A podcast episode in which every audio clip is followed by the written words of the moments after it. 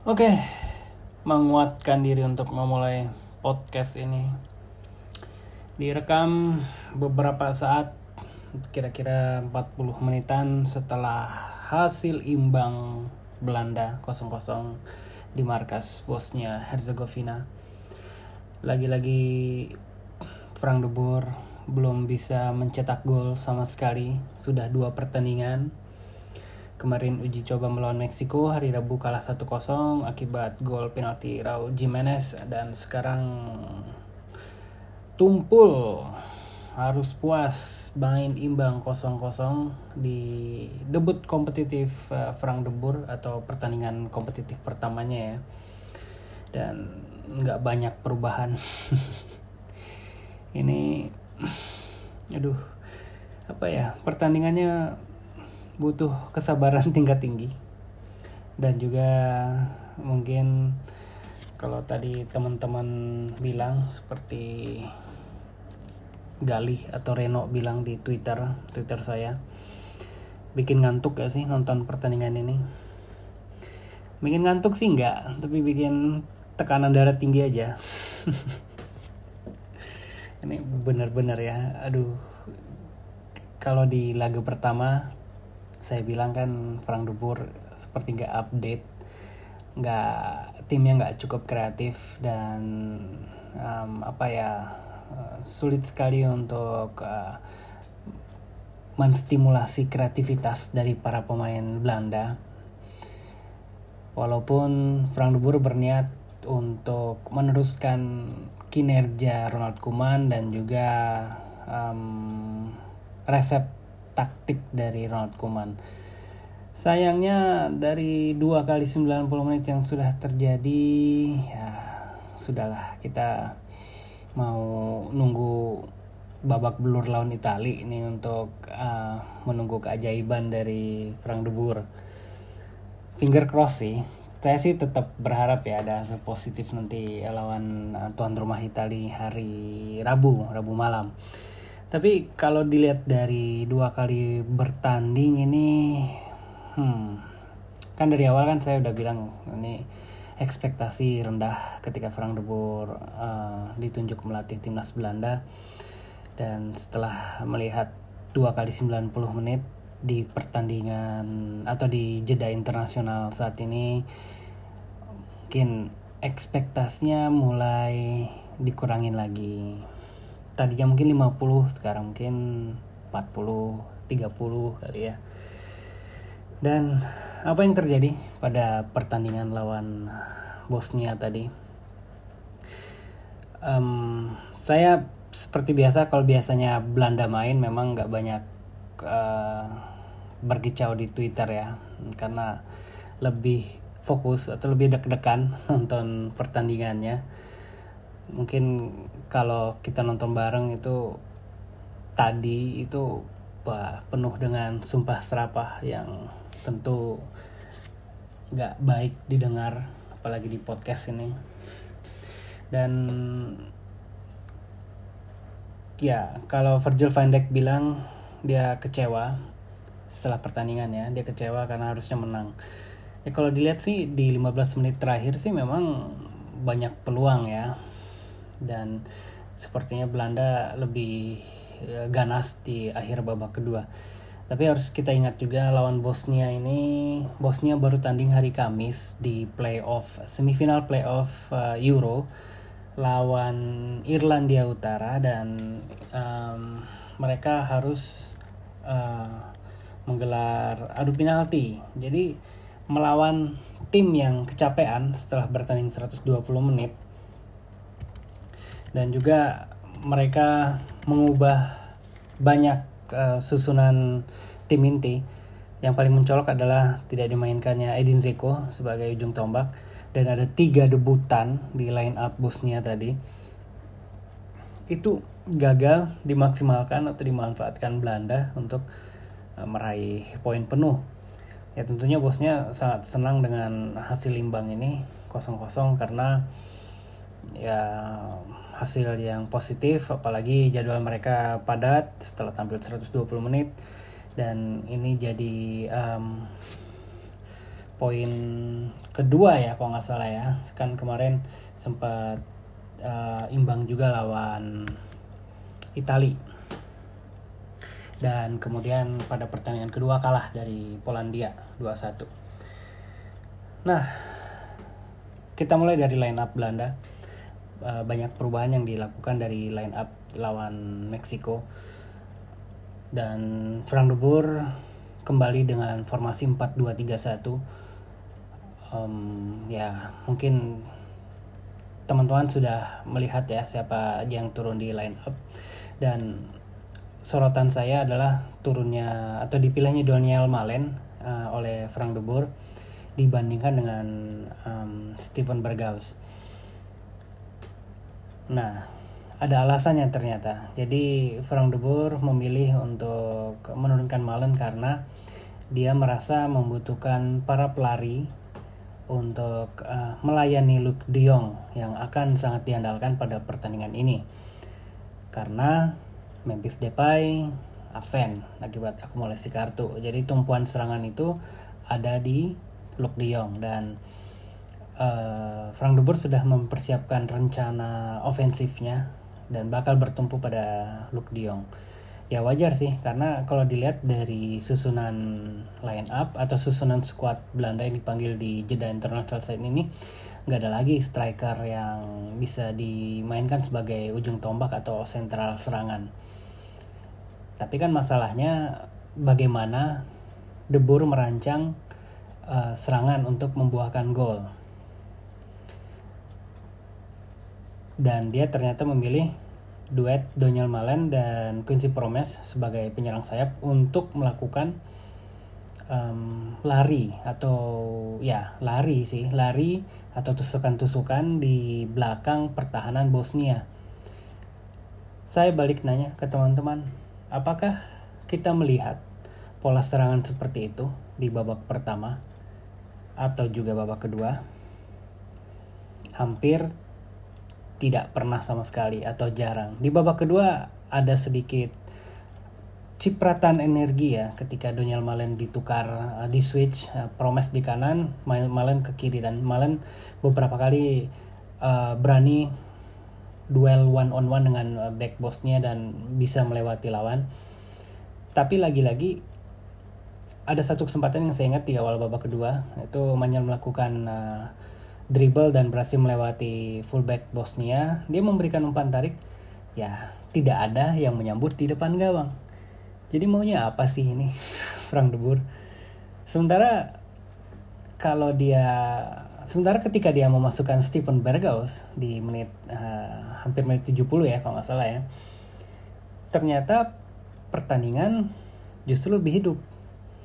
Oh ya ini dari catatan Opce Johan ya bahwa uh, ketika Steven Berghaus masuk di menit 69, dia menciptakan tiga peluang, mengkreasi tiga peluang, dan ini jumlah atau jumlah yang sama dimiliki oleh pemain Belanda yang lain. Sayangnya nggak disebutin di tweet uh, Opta Johan dan saya belum ngecek lagi ya.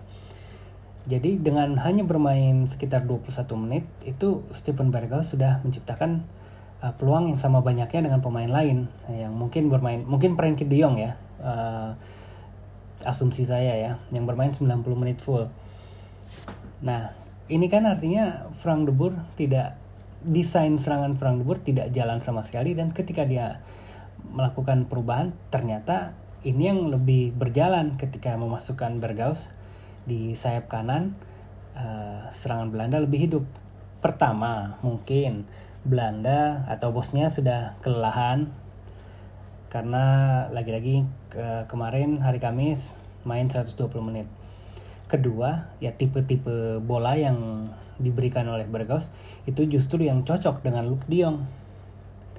Jadi ada misjudgment dari Frank de Boer untuk me, apa ya menilai kekuatan para pemainnya sendiri. Gawat ini, ini bisa terjadi di level internasional memang di level internasional pelatih tidak banyak bertemu uh, para pemainnya waktunya terbatas maka dari itu dibutuhkan pelatih yang sangat-sangat akomodatif dan juga cukup berpengalaman untuk bisa langsung menemukan taktik, menyatukan pemain dan yang memberikan solusi ketika bertanding. Itu tidak terjadi. Kedua, ini ada bukan kedua lagi udah banyak ya. Ada pertanyaan juga dari Abo, bagus nih. Ini kenapa sih kena counter mulu? Bahaya. Apalagi kalau misalnya Belandanya ketemu lawan yang lebih kuat dari bosnya, wah ini uh, hancur lebur. Oke, okay. salah satu perubahan taktik yang dilakukan oleh uh, Frank de Boer adalah dia memainkan Martin Doron sebagai back sentral ketiga saat on possession. Ini berubah dari gaya Ronald Koeman yang biasanya dia lebih suka memainkan Deli Blind biasanya untuk uh, menjadi extra defender ketika Belanda melakukan on possession.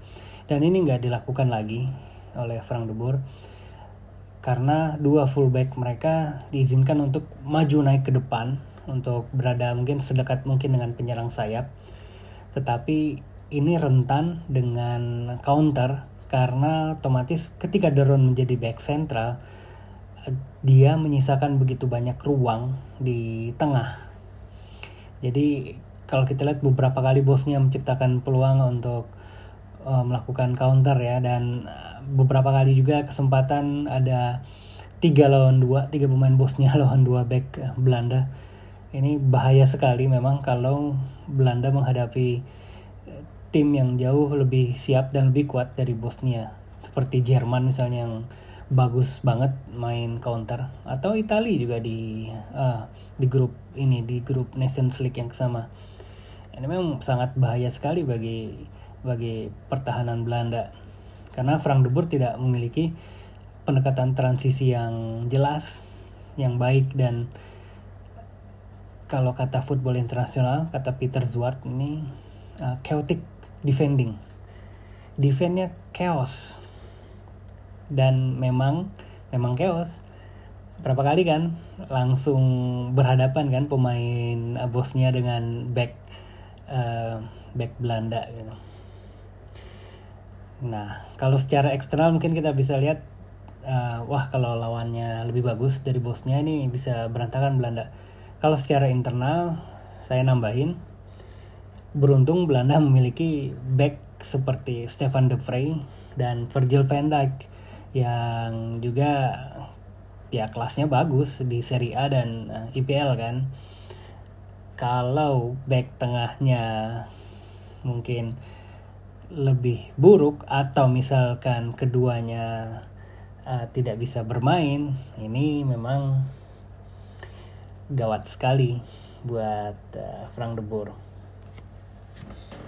Kemudian ada juga ketergantungan terhadap Frankie de Jong yang memang mau nggak mau sebagai pemain yang paling kreatif di lapangan menjadi tumpuan apa ya tumpuan kreasi serangan bagi Belanda sayang memang Belanda mainnya tumpul sangat-sangat netral karena uh, operan-operannya horizontal mendatar ke sayap tidak mencoba melakukan umpan terobosan terutama di pemain penyerang sayap ya berbeda ketika Bergaus masuk Bergaus memberikan dimensi tambahan dimensi karena selain bisa memberikan umpan crossing dia juga uh, mendekati Frank Diki de untuk melakukan umpan 1-2 atau umpan terobosan. Dan ada beberapa peluang yang memang berhasil diciptakan di akhir babak kedua.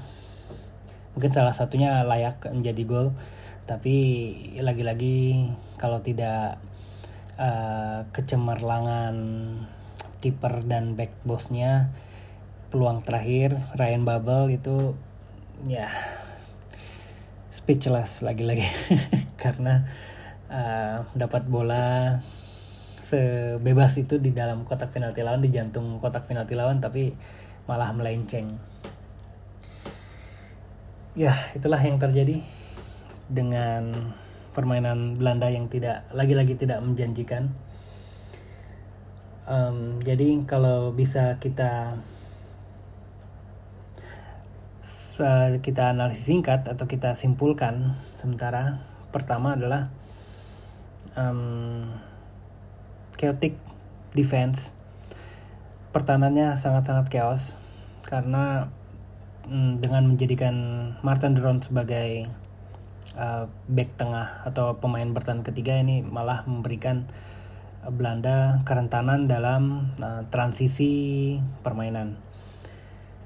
Dan lawan Itali akan kita tunggu solusi apa yang diberikan oleh Frank de Boer karena drone udah pasti tidak akan diturunkan uh, akibat menerima kartu kuning di pertandingan tadi. Jadi menjalani sanksi akumulasi kartu. Kedua Belanda masih menunggu gol pertamanya di era Frank de Boer. Mungkin dengan kembalinya Memphis Depay di pertandingan Italia nanti ini sedikit sedikit menambah kesegaran ya. Tapi ya kalau dari pertandingan tadi sepertinya Frank de Boer belum memahami kekuatan atau kelemahan dari para pemainnya dan juga salah um, ya misjudge dalam kekuatan tim sendiri dan juga misjudge untuk uh, kekuatan lawan. Bahaya banget ya. Ketiga ketiga apa ketiga menurut saya adalah ya seperti yang saya tweet juga harusnya KNVB berhenti main-main karena Belanda butuh better coaching butuh kualitas kepelatihan yang lebih baik dan ada baiknya untuk memikirkan opsi selain Frank de Boer. Nah ini harsh ya ini mungkin baru dua kali main tapi sudah bisa bilang seperti ini ya ya ya ini hasil pengamatan saya sih dari dua kali pertandingan. Bebas sih kalau mau berbeda tapi ya tapi setidaknya itu yang saya lihat di dua kali pertandingan. Meski tetap berharap untuk yang terbaik lawan Italia setidaknya di sisa international break uh, kali ini bulan ini ya selama itu juga kita harus bersabar dengan gaya main Belanda yang steril. Jadi sabar-sabar ya guys. Sampai jumpa.